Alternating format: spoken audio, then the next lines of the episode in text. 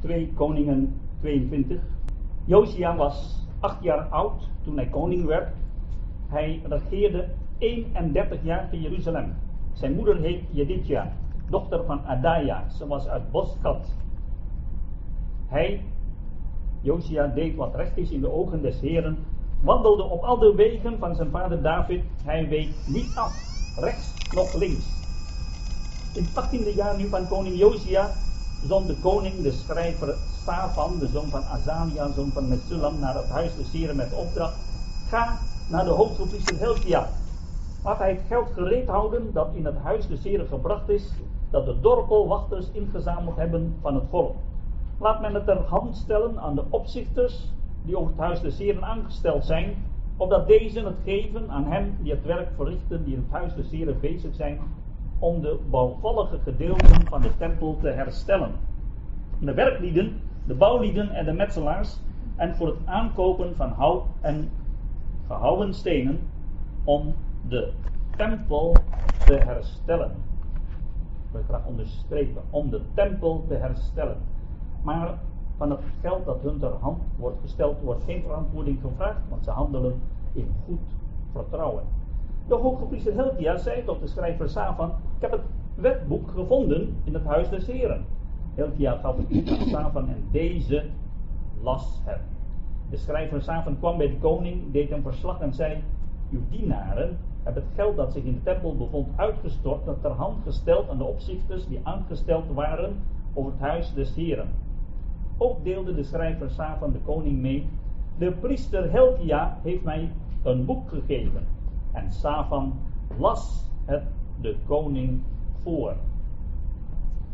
Zodra de koning de woorden van het wetboek gehoord had, scheurde hij zijn kleren. En de koning gebood de priester Helkia, Ahikam, de zoon van Safan, Achbor, de zoon van Micaiah, de schrijver Safan en Asaja, de dienaar van de koning, gaat de Heere raadplegen ten behoeve van mij, van het volk en van heel Juda over de woorden van het gevonden boek. Want groot is de gramschap des Heren over ons ontbrand is, omdat onze vaderen naar de woorden van dit boek niet hebben geluisterd en niet hebben gedaan overeenkomstig al wat ons voorgeschreven is. De priester Helkia en Ahikam, Achbor, Safan en Asaja gingen naar de profetes Hulda, de vrouw van de kleerder, bewaarder Salom, de zoon van Tikva, de zoon van Harhas. Zij nu woonde te Jeruzalem het nieuwe gedeelte. En ze spraken met haar. Ze zei tot hen, zo zegt de Heere, de God van Israël, zeg tot de man die u tot mij gezonden heeft, zo zegt de Heere, zie, ik breng onheil over deze plaats, over haar inwoners, de hele inhoud van het boek dat de koning van Juda gelezen heeft, omdat zij mij verlaten hebben en offers ontstoken voor andere goden ten einde mij te krenken met al het maaksel van hun handen. Daarom zal mijn gronschap over deze plaats ontbranden zonder geblust te worden. Maar tot de koning van Juda die u zond om de Heer te raadplegen, tot hem zult gij anders zeggen, zo zegt de Heere, de God van Israël. Dan mogen we dit gedeelte dubbel onderstrepen. Wat de woorden betreft die gij gehoord hebt, omdat uw hart week geworden is en gij u verootmoedigd hebt voor het aangezicht des Heren. Toen gij hoorde wat ik gesproken heb tegen deze plaats en haar inwoners, dat zij een voorwerp van ontzetting en van vervloeking zullen worden, omdat gij uw klederen gescheurd hebt en geweend voor mijn aangezicht, zo heb ook ik gehoord, luidt het woord Heren. Daarom zie, ik zal u tot uw vaderen vergaderen, ge zult in vrede in uw graf bijgezet worden, uw ogen zullen niets van het onheil zien dat ik over deze plaats breng. En zij brachten de koning het antwoord over. In hoofdstuk 23 vinden we de reiniging door Josia en de viering, vers 21 van het Pascha. Gedeelte lezen we niet, maar dat houden we in gedachten.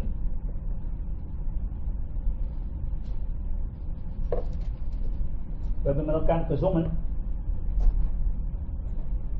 Wie richt mij op bij struikelingen? Het is de Heer. Het is een tijd van struikelingen. En uh, Oude Testament is ons gegeven tot lering. De geschiedenis van God met zijn volk, aardse volk, is een voorbeeld, een, een plattegrond voor ons. Als we kijken naar de geschiedenis van Israël, van Juda, dan zullen we ontzettend veel dingen herkennen. Gods woord zegt het is een spiegel.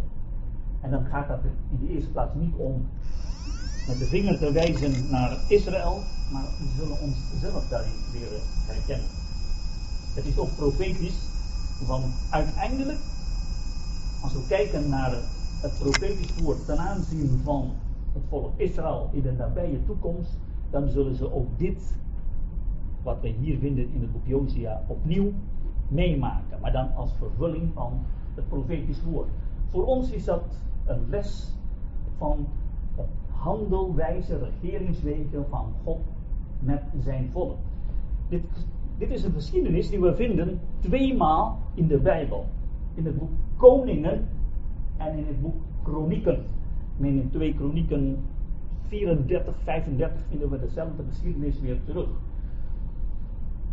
Gods woord bevat nooit onnodig herhaling.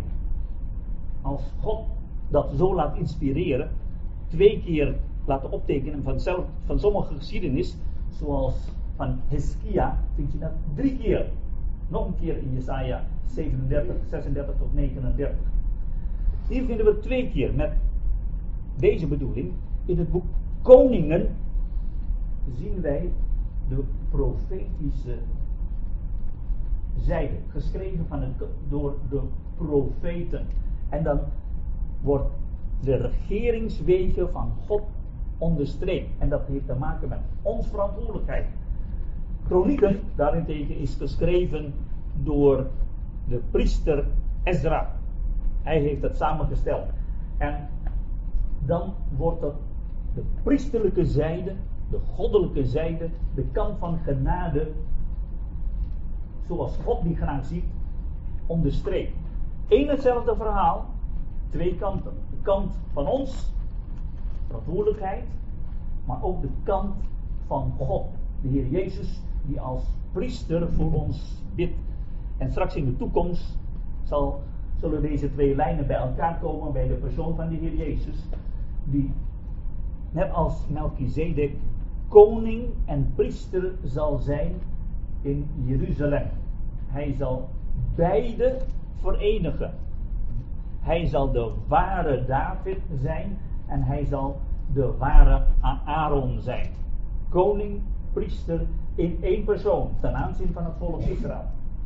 Voor ons is het goed om nu te kijken naar onze verantwoordelijkheid. Dat God ook genadig is, dat is waar. En dat moeten we ook vasthouden. Maar hier in Koningen zien wij de verantwoordelijkheid van de mens, van de gelovigen. Kijk je naar de geschiedenis van Juda, dan is dat zoals altijd in de geschiedenis van de mensheid, het is altijd een geschiedenis dat bergafwaarts gaat. Altijd met alle aspecten van alles wat God aan de mens toevertrouwt, gaat het bergafwaarts. Hetzelfde geldt met de, uh, voor de christenheid. Hetzelfde geldt, als ik uh, tussen aanhalingsteken mag plaatsen, voor de geschiedenis van de broeders. Ook een geschiedenis dat bergafwaarts gaat, want alles wat aan de mens wordt toevertrouwd, wordt door ons helaas verprutst. Maar dan krijgen we in de geschiedenis van Juda een vermoediging. Dat in de geschiedenis van Juda dat we driemaal opwekkingen vinden. Ten tijde van Jozafat vinden we een opwekking. Ten tijde van Hiskia vinden we een opwekking. En hier helemaal aan het eind, vlak voor, voordat Juda in ballingschap ging, vinden we nog één opwekking van Josia. Bij Jozafat was dat nog een opwekking van een grote gedeelte van het volk. Jozefat, wiens naam betekent de Heer is richter. Bij Hiskia, zijn naam betekent de kracht van de Heer. De Heer is krachtig, zien wij opwekking een kleinere groep mensen. bij Josia zien wij een opwekking van een enkeling. Ja, zou je zeggen, is dat, uh, is dat mogelijk? Een opwekking van een enkeling? Ja, zijn een heleboel mensen die meededen met Josia. Maar als je kijkt naar de profeet Zephania, dan lees je dat dat, dat dat niet echt was. Zij deden gewoon mee omdat de koning dat deed. Maar het grootste gedeelte, zelfs Josia zijn kinderen, waren niet echt bekeerd. En dat maakt duidelijk dat dat de opwekking van Josia, en misschien is er nog van huisgenoten van Savan, de schrijver, zijn zonen, Gedalia en anderen, dat je daar nog uh, uh, opwekking vindt, maar helaas is dat in zwakheid. Wij kunnen zeggen, het is, de dagen, de dag der kleine dingen. Opwekking, maar bij enkeling. En dat is eigenlijk typisch voor wat wij ook in de christenheid vinden. In de christenheid, wij leven in een tijd van Laodicea. En dan zegt de Heer Jezus, een van zijn laatste woorden tot de gemeente, zegt hij in openbaring 3 vers 20, zie ik sta aan de deur en ik klop. Indien iemand, één enkel persoon, iemand mijn stem hoort en de deur opent, ik zal bij hem binnenkomen en een maaltijd met hem hebben en hij met mij. Eén enkel persoon. Dat betekent hoe donker de toestand, geestelijke toestand ook mag zijn. Voor God is er nog altijd een uitweg. Alleen dat is een uitweg waarbij de enkeling wordt opgeroepen om hem te volgen. Zoals hier bij Josia. Zijn naam trouwens betekent dat ook. De Heere is mijn bevrijder, mijn heiland, mijn redder. Met nadruk op mijn. Dat betekent, dat is voor hem enkeling, persoonlijk. Zijn geloofsleven. Kijken we naar deze persoon, Josia, kunnen we heel veel bemoedigingen eruit halen. Josia is een bijzonder persoon. Ook in het Oude Testament is hij uniek. Waarom is hij zo uniek? Zo uniek?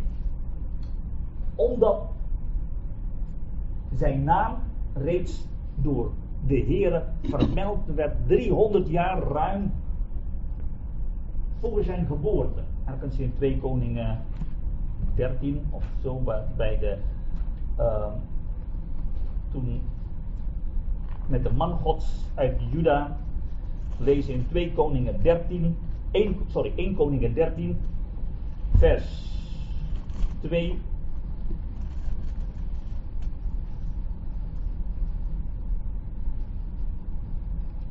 Deze predikte tegen het altaar, de man Gods uit Juda, door het woord des Heer en zei: Altaar, altaar, zo zegt de Heer, zie, een zoon zal aan Davids huis geboren worden, met name Josia.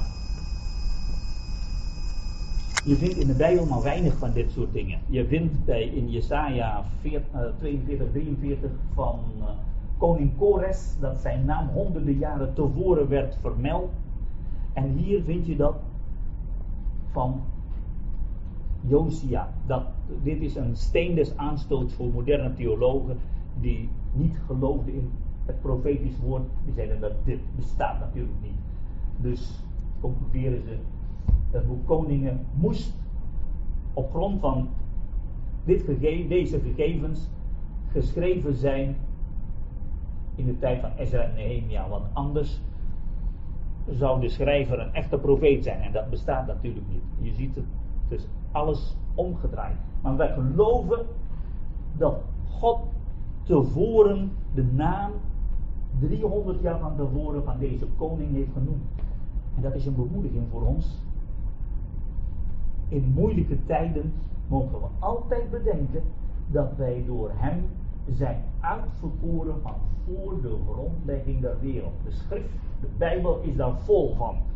En dat is niet bedoeld als voor voor theologen om te strijden over de uitverkiezing, maar als je leest over de uitverkiezing, dan is dat altijd een bemoediging voor gelovigen in moeilijke momenten. Op het moment dat je denkt, is de Heer mij niet vergeten?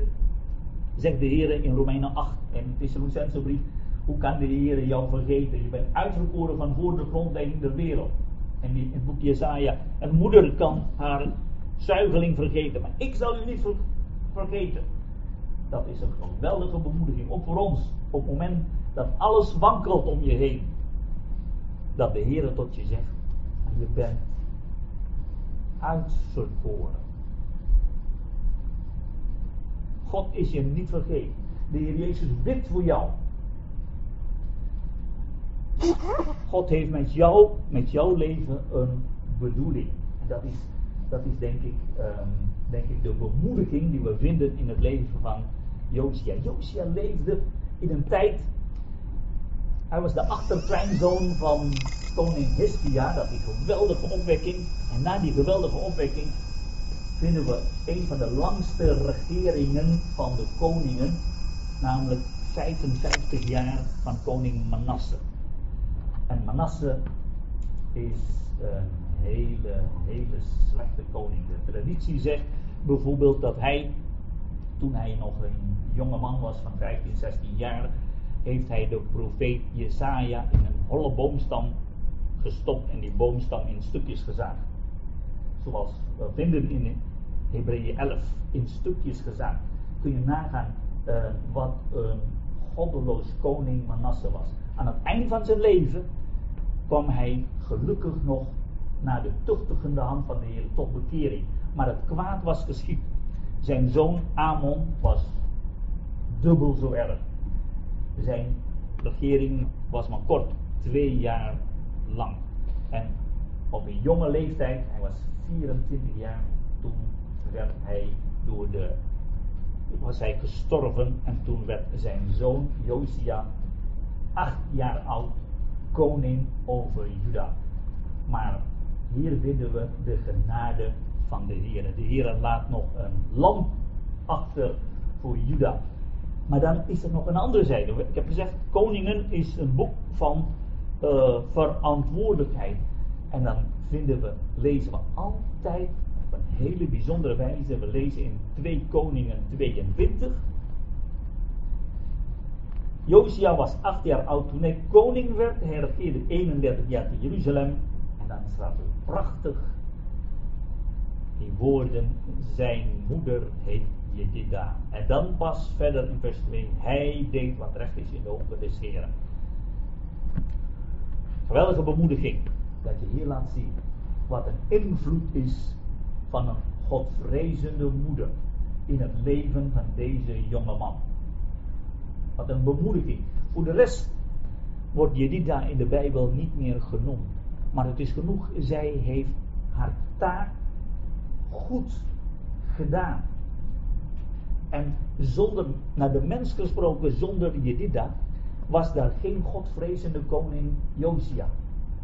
Wat is dat een bemoediging ook voor zusters die eenvoudig, is een aanhalingsteken eenvoudig, maar dat is niet, niet eenvoudig, de taak hebben om kinderen groot te brengen in vrezen des Heren. Dat zien wij hier bij Jedida. Hij deed wat recht is in de ogen des Heren, wandelde op al de wegen van zijn vader David. Hij week niet af, rechts nog links. Een smalle pad. Met een voornemen van het hart koos Josia om de Heer te volgen. Ook voor de jonge mensen, de kinderen hier die nog jong zijn, die denken misschien, nou ja, geloven, dat is misschien wel voor de oudere broeders, grijze haren, als ze gepensioneerd zijn. Nee, als we nog jong zijn, dan hebben we het leven nog volop tot onze beschikking. Nee, Gods woord maakt duidelijk ook al bij de jong. Want juist als je jong bent, dan wil de Heer tot jouw hart spreken. En juist als, en dan gaat het niet om kennis, maar het gaat om, om de hartengesteldheid. Dat je met je hart kiest om de Heer te volgen. Dat lees je hier. Hij deed wat recht is, niet in zijn eigen ogen, maar in de ogen des Heeren. Wat is dat een geweldige bemoediging. En dan zien wij hier door toedoen van deze Josia een geweldige opwekking. Die zou zeggen, hoe is dat mogelijk na wat Manasse en Amon hebben uitgevoerd in het koninkrijk van Juda? Hoe is dat mogelijk dat deze jonge man nog als door de Heer gebruikt kan worden om een opwekking te veroorzaken, waardoor, waardoor uiteindelijk gezegd wordt, er is daar een paascha gevierd. Zo paascha vieren hebben ze nog nooit gedaan vanaf de tijd het boek Richteren. Het ging verder dan wat David en Salomo hebben gedaan. Zij hebben, eh, was teruggekeerd naar het woord van God. Hoe is dat mogelijk? In de ogen van de Heer geweldig kostbaar. En de vraag is, hoe is dat mogelijk in een tijd van struikelingen? En daar dacht ik aan toen we met elkaar zongen. Wie richt mij op bij struikelingen? Het is een tijd van struikelingen voor ons. Als broeders en zusters. Niet voor niets gisteren een dag om samen te bidden. Dat komt door een, doordat wij met elkaar hebben gefaald. En op zo'n moment is dat niet de tijd om, zoals Jesaja 58 dat zegt, met de vinger te wijzen naar anderen.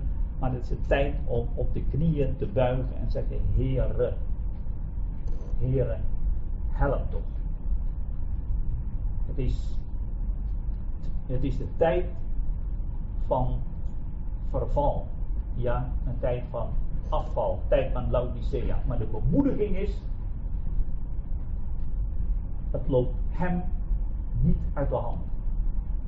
Ik bedoel, naar de mens gesproken, ik kan, ik kan alle mogelijke doemscenario's voor, uh, dat zie ik voor mijn ogen, en dat zou gebeuren en dat zou gebeuren, en onze jonge mensen en zus en zo. Alles kunnen. We zijn allemaal goed in het invullen van dit soort dingen. Maar bemoediging vinden we alleen maar als we ons oog richten op de Heer.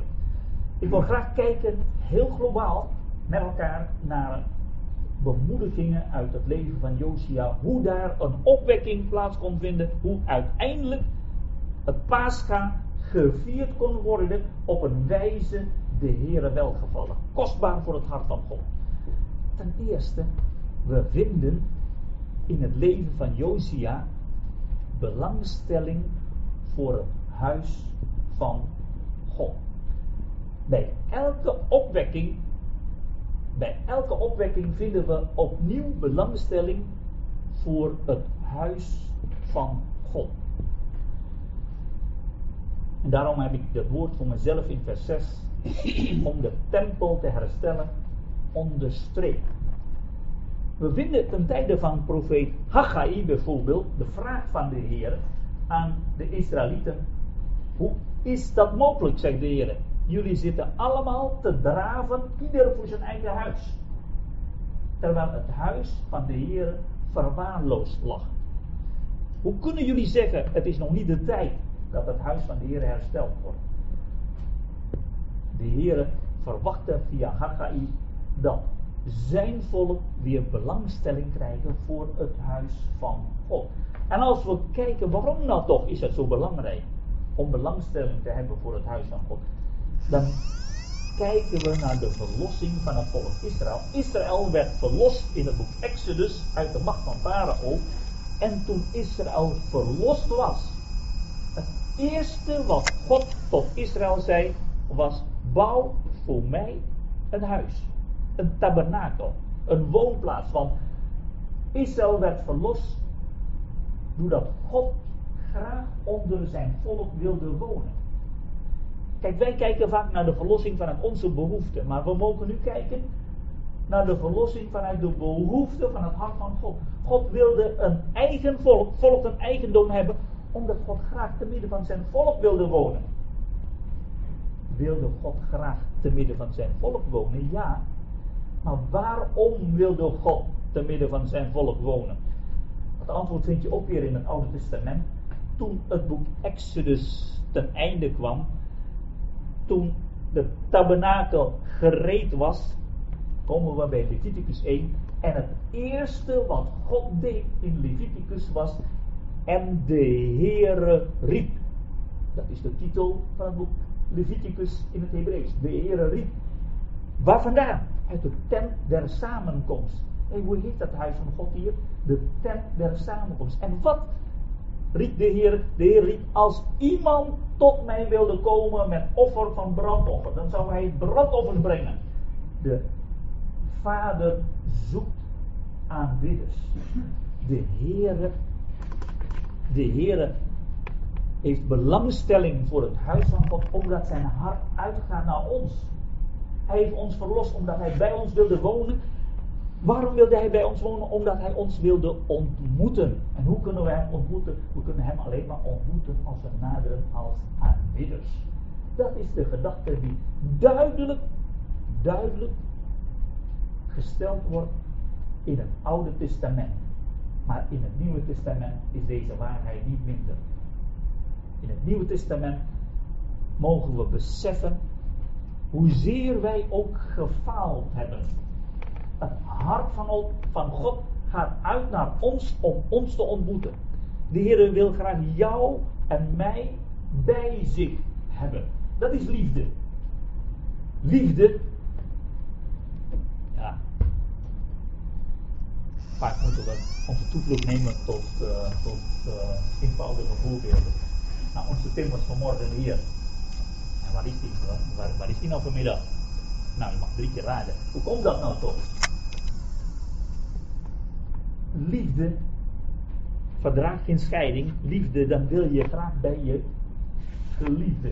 En als God ons lief heeft, dan wil God graag ons bij zich hebben. Is dat, is dat duidelijk? En omgekeerd, hoe zit dat met ons verlangen? gaan onze verlangen ook naar Hem uit? Zo niet, dan is er iets radicaal fout. Stel je voor dat, iemand zegt, nou ik heb jou lief, maar uh, komende drie maanden hoef ik jou niet te zien hoor. Dan denk ik, nou, dat is met die liefde wel heel erg zwak gesteld. Ik geloof niet meer in zo'n liefde. Maar zo is het ook de liefde van de Heer. De Heer is nu in de hemel, maar hij zegt, ik kom spoedig. En het hart van de Heer gaat naar ons uit. En dat is het verlangen van de, van de heiland dat ons hart ook naar hem uitgaat. Dat is de reden waarom het huis van God zo belangrijk is. Wij denken vaak, als het gaat om geloven, altijd maar vaak, ik gericht de behoeften van mijn geestelijk leven. Dat moet vervuld worden. Ik moet het fijn hebben. Ik, ik, het, gaat heel vaak over onszelf. Maar aanbidders dat zijn mensen die komen omdat het hart van God behoefte heeft aan gemeenschap met ons. Onze gemeenschap nu is met de Vader en met de Zoon. En dat is een geweldige bemoediging. Als gelovigen willen we een opwekking hebben, dan begint dat bij de vraag: waar gaat mijn hart naar uit? Als mijn hart niet uitgaat naar het koninkrijk van God en zijn gerechtigheid, naar de dingen van de Heer, dan moeten we stoppen met praten. Want het is allemaal theorie. Het is allemaal. Het, en een hartenzaak, dat, dat is niet iets wat je, wat je kunt commanderen. Je kunt niet tegen iemand zeggen, en dan moet je verliefd zijn op die en die. Ja, zo werkt dat niet. Dat gaat niet zo. Maar zo is het ook met een opwekking. Het hart gericht op de Heer zo is het ook met verootmoediging. Dat is niet iets wat je kunt. Er is geen knop, reset en dan kan je je verootmoedigen. Ten tweede vinden we belangstelling voor het woord van God. Belangstelling voor het woord van God. Het woord van God werd gevonden. En dan wordt ons ineens duidelijk dat die hele toestand, die duisternis onder het volk van God in Israël veroorzaakt werd door het niet openen van het woord van God. Je zou zeggen, hoe is dat nou mogelijk? Hoe is dat mogelijk dat men het woord van God toen pas heeft ontdekt en verrast werd van de inhoud. Dus men kende het woord van God toen niet meer. Terwijl, als we kijken van uh, naar Deuteronomium 17, meen ik, toen, waar de opdracht werd gegeven aan de koningen om het woord te bewaren. Ik denk dat dat het, uh, de vijf boeken van Mozes, dat toen bewaard werd naast de arm van het verbond. We vinden in Deuteronomium 17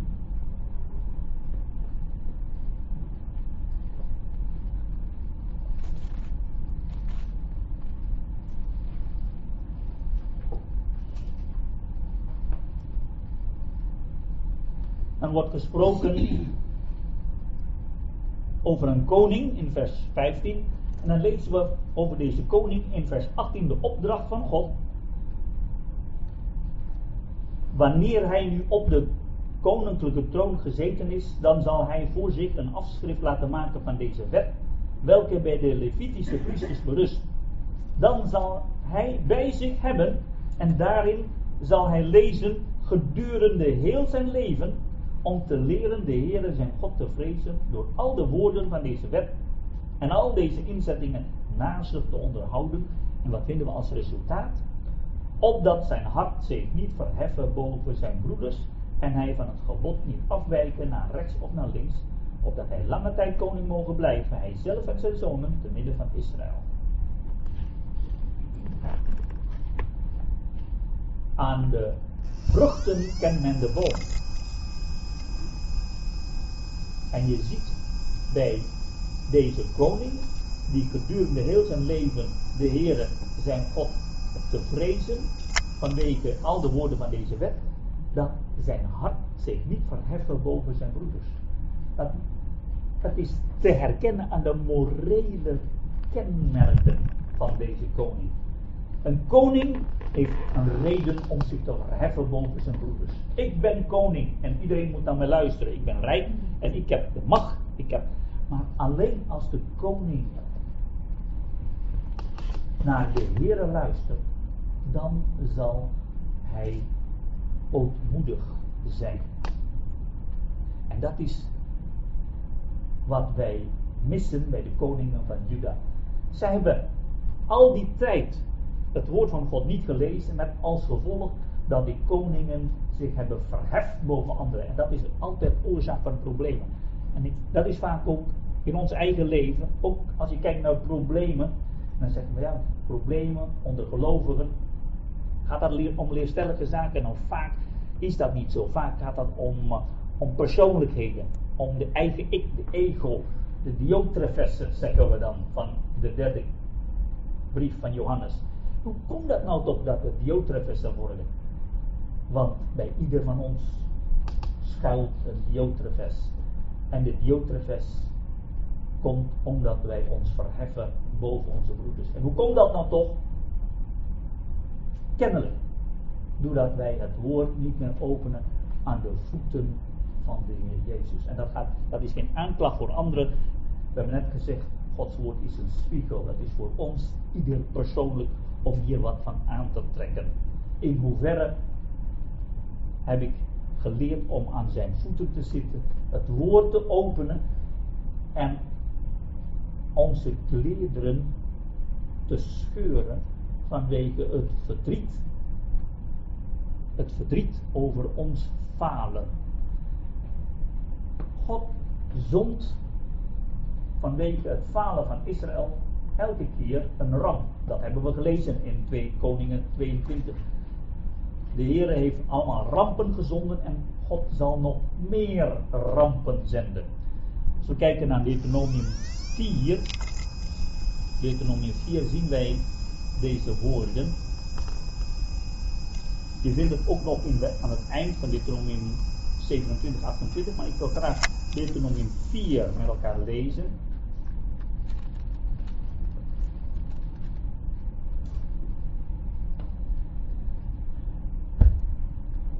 Nu dan Israël hoort de inzettingen, de verordeningen die ik u leer na te komen, zei Mozes tot het volk, opdat gij leeft, opdat gij het land binnengaat, in bezit neemt, dat de Heere de God uw vader u geven zal. En dan zegt de Heere, gij zult aan wat ik, ik uw gebied niet toedoen en daarvan niet afdoen, opdat gij de geboden van de Heere uw God onderhoudt, die ik u opleg. En dan lezen wij in vers uh, eh, 24, nee, vers 6 wil ik graag bijlezen. Vers 6, onderhoud ze dan naastig, want dat zal uw wijsheid en uw inzicht zijn in de ogen der volken, die bij het horen van al deze inzettingen zullen zeggen, waarlijk, dit grote volk is een wijze en verstandige natie. Hier zien wij weer een andere belofte, namelijk dat als, als wij het woord van God openen, als we aan de voeten van de Heer Jezus zitten, dan zullen we wijsheid en inzicht verwerven. Wat een belofte. We zeggen vaak ten aanzien van de problemen in, uh, uh, onder ons, landelijk, internationaal, het ontbreekt ons aan wijsheid en inzicht. En dan kunnen we, zegt Jacobusbrief, kunnen we van de Heer vragen. Maar dat is niet alleen van de Heer vragen.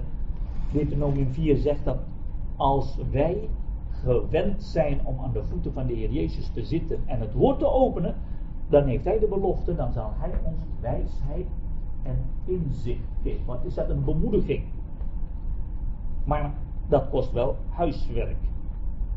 We zullen meer opnieuw belangstelling hebben voor Gods woord en dat elke dag tot ons nemen.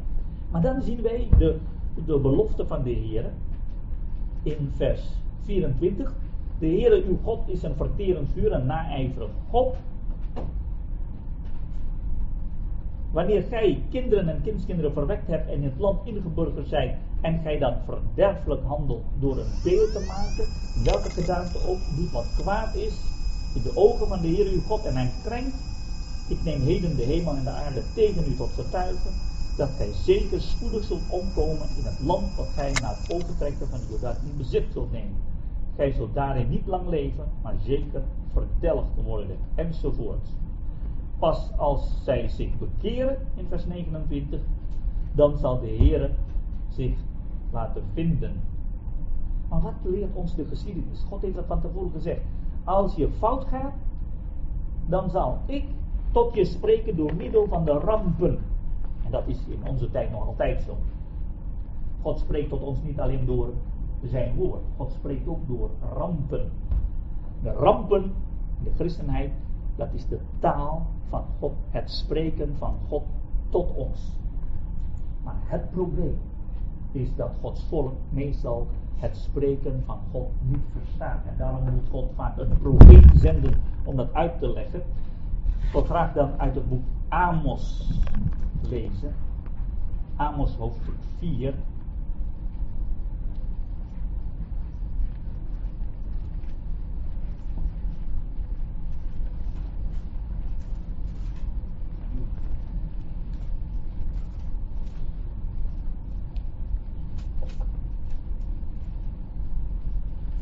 Vers 6.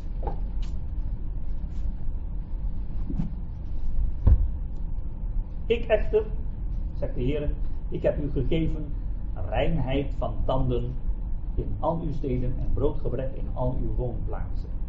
Reinheid van tanden, dat is uh, weer heel cynisch. Dat betekent, je hoeft je tanden niet te poetsen, want je hebt niks, niks te eten gehad.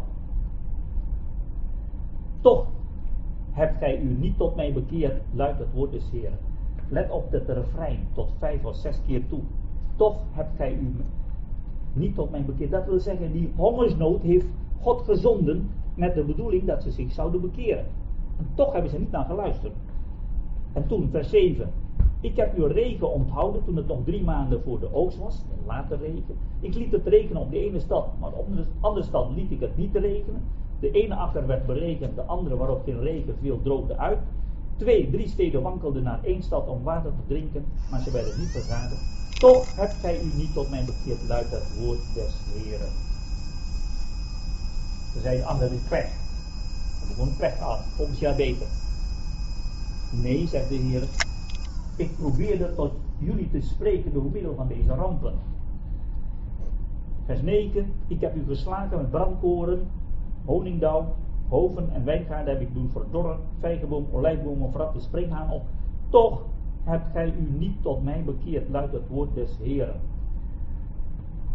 De Heere zegt keer op keer, ik word er zo moe van. Ik heb het zo vaak geprobeerd om jullie hart te bereiken door middel van al deze rampen. En jullie luisteren maar niet. Als je kijkt naar deze toestand, denk je nou wat een vreselijke toestand. Gods volk is dat. En ze luisteren niet naar de tuchtigende hand van de Heer. Maar we, vergeten elke keer weer, het is geen vergrootglas om Israël te bestuderen. Het is een spiegel om ons eigen hart te leren kennen. En eigenlijk, je eerlijk, als je eerlijk eh, bent, de geschiedenis van ons als broeders is ook niet anders. En dan misschien moet de Heer ook zeggen, toch hebt gij u niet tot mij bekeerd. Is dat zo? Zijn wij, ja, hebben we een ramp gehad, scheuring bijvoorbeeld, en dan zeggen we, ach, gaan we weer tot de orde van de dag. Volgende keer beter. Maar als wij de les die de Heer ons wilde geven, niet hebben geleerd, dan worden de rampen steeds groter. En dat heeft te maken met de liefde van God voor ons. Want wie hij lief heeft, tuchtigt hij. Het oordeel, zegt 1 Petrus 4, begint bij het huis van God. God bemoeit zich met eeuwig gesproken nu niet met deze wereld. Het oordeel over de wereld komt. Maar dat is straks.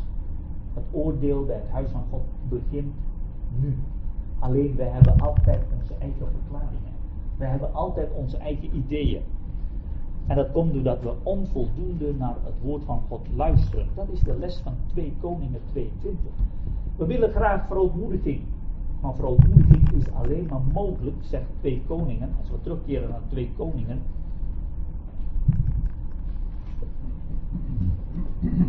We lezen in vers 19. Omdat uw hart week geworden is en gij u verootmoedigd hebt voor het aangezicht des Heeren. Toen gij hoorde wat ik gesproken heb. We vinden ten eerste dus belangstelling voor Gods woord. Ten tweede belangstelling voor het woord van God. En op grond van het, wat het woord heeft laten zien, hebben ze gebeden. Josia bad en in vers 13 lezen we gaat de Heere raadplegen ten behoeve van mij, het volk van heel Juda, over de woorden van dit gevonden boek. We mogen de Heere raadplegen, maar we zullen hem moeten raadplegen op grond van wat hij zegt in zijn woord. Is dat niet een, een les, maar ook een bemoediging voor ons om weer terug te keren naar Gods woord? Dat wij veel gevonden worden aan de voeten van de Heer Jezus, biddend luisteren naar zijn woord. Als we kijken naar de, naar de geschiedenis van de broeders vroeger. Ik heb nog uh, in Engeland wat gelovigen ontmoet. Uit allerlei kringen. En die, die vertelden mij, ja, broeders, kenmerk door een geweldige kennis en liefde voor Gods woord. En toen kwam de vraag, is dat nu nog zo? En dat is de vraag die we stellen. Is dat zo dat, dat, dat we gekenmerkt worden meer dan de christenheid om ons heen door de kennis van Gods woord? Grote vraagteken. En als we die kennis hebben, hoe zit het met de liefde tot Gods woord? Is dat een verstandelijke kennis of is dat een hartezaak? De Heer heeft zoveel waarheden toevertrouwd, 200 jaar geleden, doordat het hart de goede plaats was. Maar hoe is het op dit moment? En als we zeggen, nou, kennelijk is er zoveel wereldgelijkvormigheid, dat hart is niet op de goede plaats, dan komt meteen daarachter de opmerking, hoe kan de Heer anders doen dan deze rampen over ons sturen, om ons weer terug te brengen op de knieën te gaan. Dat wij meer leven niet door brood alleen, maar dat we mogen leven door elk woord dat van de mond van God uitgaat. Dat is wat de Heer zegt in Deuteronomie 8. Hij zegt, ik heb jullie gezonden niet langs de kortste weg naar het beloofde land, maar ik heb jullie langs de weg van de woestijn gezonden, opdat je ten eerste je eigen hart zouden leren kennen. Verdorven hart. Niet beter dan wie dan ook. Maar ten tweede om de les te leren dat de mens niet leeft van brood alleen. In deze wereld is dat niet anders. Men leeft van brood. Maar wij mogen beseffen dat wij mogen leven door elk woord dat van de mond van God uitgaat. Hebben wij nog verlangen naar Gods woord? Hebben we nog verlangen om meer en meer met Hem te spreken? En alleen dan, als we Zijn stem hebben gehoord, dan kunnen we tot Hem bidden. Want hoe kunnen we tot Hem spreken als we niet eerst van Hem hebben gehoord? En dan zien wij in hoofdstuk 23, en dat hebben we niet gelezen, 2 Koningen 23, dat als gevolg daarvan reiniging plaatsvond. En bedenkt, Josia had geen respect voor zijn vaderen. Hij zegt niet, nou, uh, David of, of, of, Salomo of Rehabiam heeft dat gedaan, dus dat laat ik zitten.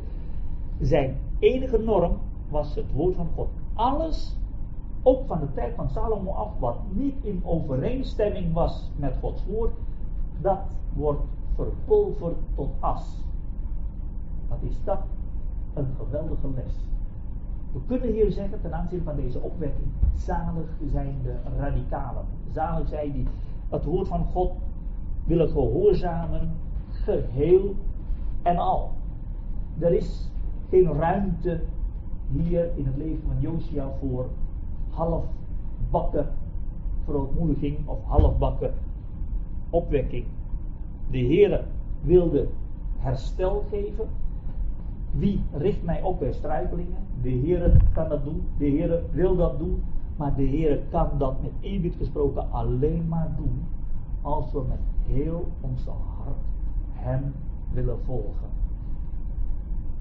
Er is hier geen ruimte voor half herstel. In het leven van Josia is het heel belangrijk dat hij duidelijk laat zien wie hij is om de Heer te volgen. Het einde van Josia is ook een les voor ons. Josia stierf. Maar hij ging vechten tegen Farao Nego. En in die oorlog heeft hij zich vermomd. En dat is denk ik ook een sleutel. Kijk, als hij met de weg met de Heer was gegaan, had je je niet hoeven vermommen. Je hebt sommige christenen die, die ook goed kunnen vermommen. Dat je niet meer kunt zien dat ze christenen zijn. En in deze tijd, als je gaat vermommen, dan kan het je leven, kan het je getuigenis kosten. Dan kan de Heer zeggen, nou maar dat, uh, dat kan niet. En zo eindigde Josia zijn leven was een bemoediging voor ons, hoe de Heer herstel kan geven. Maar zijn sterven is ook een waarschuwing voor ons dat we zeggen, tot het einde toe mogen wij Hem blijven vasthouden. Dat we duidelijk uit, uitkomen voor Hem. En dan zien wij in het leven van Josia het kostbaarste voor het hart van de Heer. En dat zien wij in het vorm van een Pascha. Hij heeft Pascha gevierd. En weet je wat mooi was? Toen hij Pascha ging vieren, heeft hij niet alleen gedacht aan Juda. Hij heeft gezegd, nou luister eens, uh, ik ben koning van Juda, ik ga Pascha vieren en dat is, uh, dat is voor God goed genoeg. Hij heeft gedacht aan heel het volk van God. Hij heeft gezanten gezonden naar de tien stammenrijk. Sommigen werden uitgelachen, sommigen kwamen. Wat is dat kostbaar voor het hart van de Heer? Dat in het leven van Josia dat Pascha gevierd werd. Ik denk dat als, uh, als we kijken naar het gedenkboek van de hemel, dat dit voor, de hart, voor het hart van God geweldig kostbaar is geweest. In een wereld van verval. Dat daar een Josia was die Pascha vierde. En dat is voor het hart van de Heer Jezus kostbaar. Als ons hart naar Hem uitgaat. Op, zondagmorgen. Dat ons hart uitgaat naar Zijn liefde. Dat we zijn liefde pas groot willen maken, hem bedanken. En dat kan door de tekenen van zijn liefde die hij ons heeft achtergelaten. We leven in zware tijden, maar hoofd omhoog, het hart naar boven, hier beneden is het niet.